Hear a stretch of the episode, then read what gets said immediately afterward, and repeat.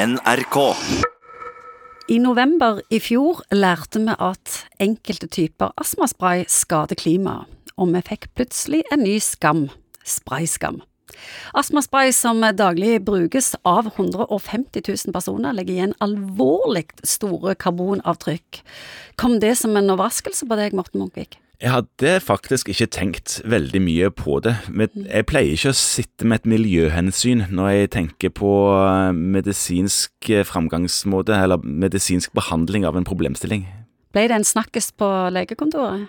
Nei, det har ikke helt blitt en snakkes ennå. Eh, det er ikke sikkert at alle har tatt dette helt godt inn over seg ennå, men det kommer til å være noe som en er nødt til å ta med i beregningen når man starter eller endrer medisiner på astmatikere eller kolsere. Det er astmamedisin basert på gass og ikke pulver det er snakk om nå? Ja, det er drivgassen til de medisinformuleringene som er i sprayform, som får denne sprayen til å dusje ut av den devicen som de har. Skal leger eller pasienter da ha skam? Pasienter skal aldeles ikke ha skam, for de er nødt til å få behandling for sin sykdom. Så det Sprayskam det er et stigmatiserende vondt ord for pasientene, men legen kan kanskje tenke litt på det her.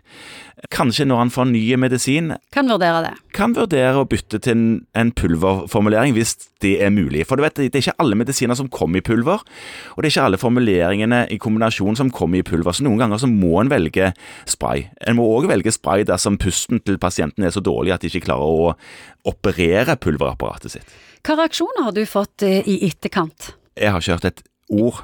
Ingen som har kommet og sagt at eh, jeg har ikke bil, jeg flyr ikke, og derfor vil jeg heller ikke skade miljøet med min medisin, kan vi skifte? Nei, ingen har sagt det.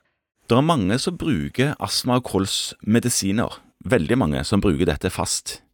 Og I tillegg så er det ikke bare det med drivgassen i sprayen, det er òg dette med produksjonen av selve enheten, som er veldig mye mer karbonkostbart når det gjelder spray enn pulver. Så det er nok litt å hente på å bytte, altså.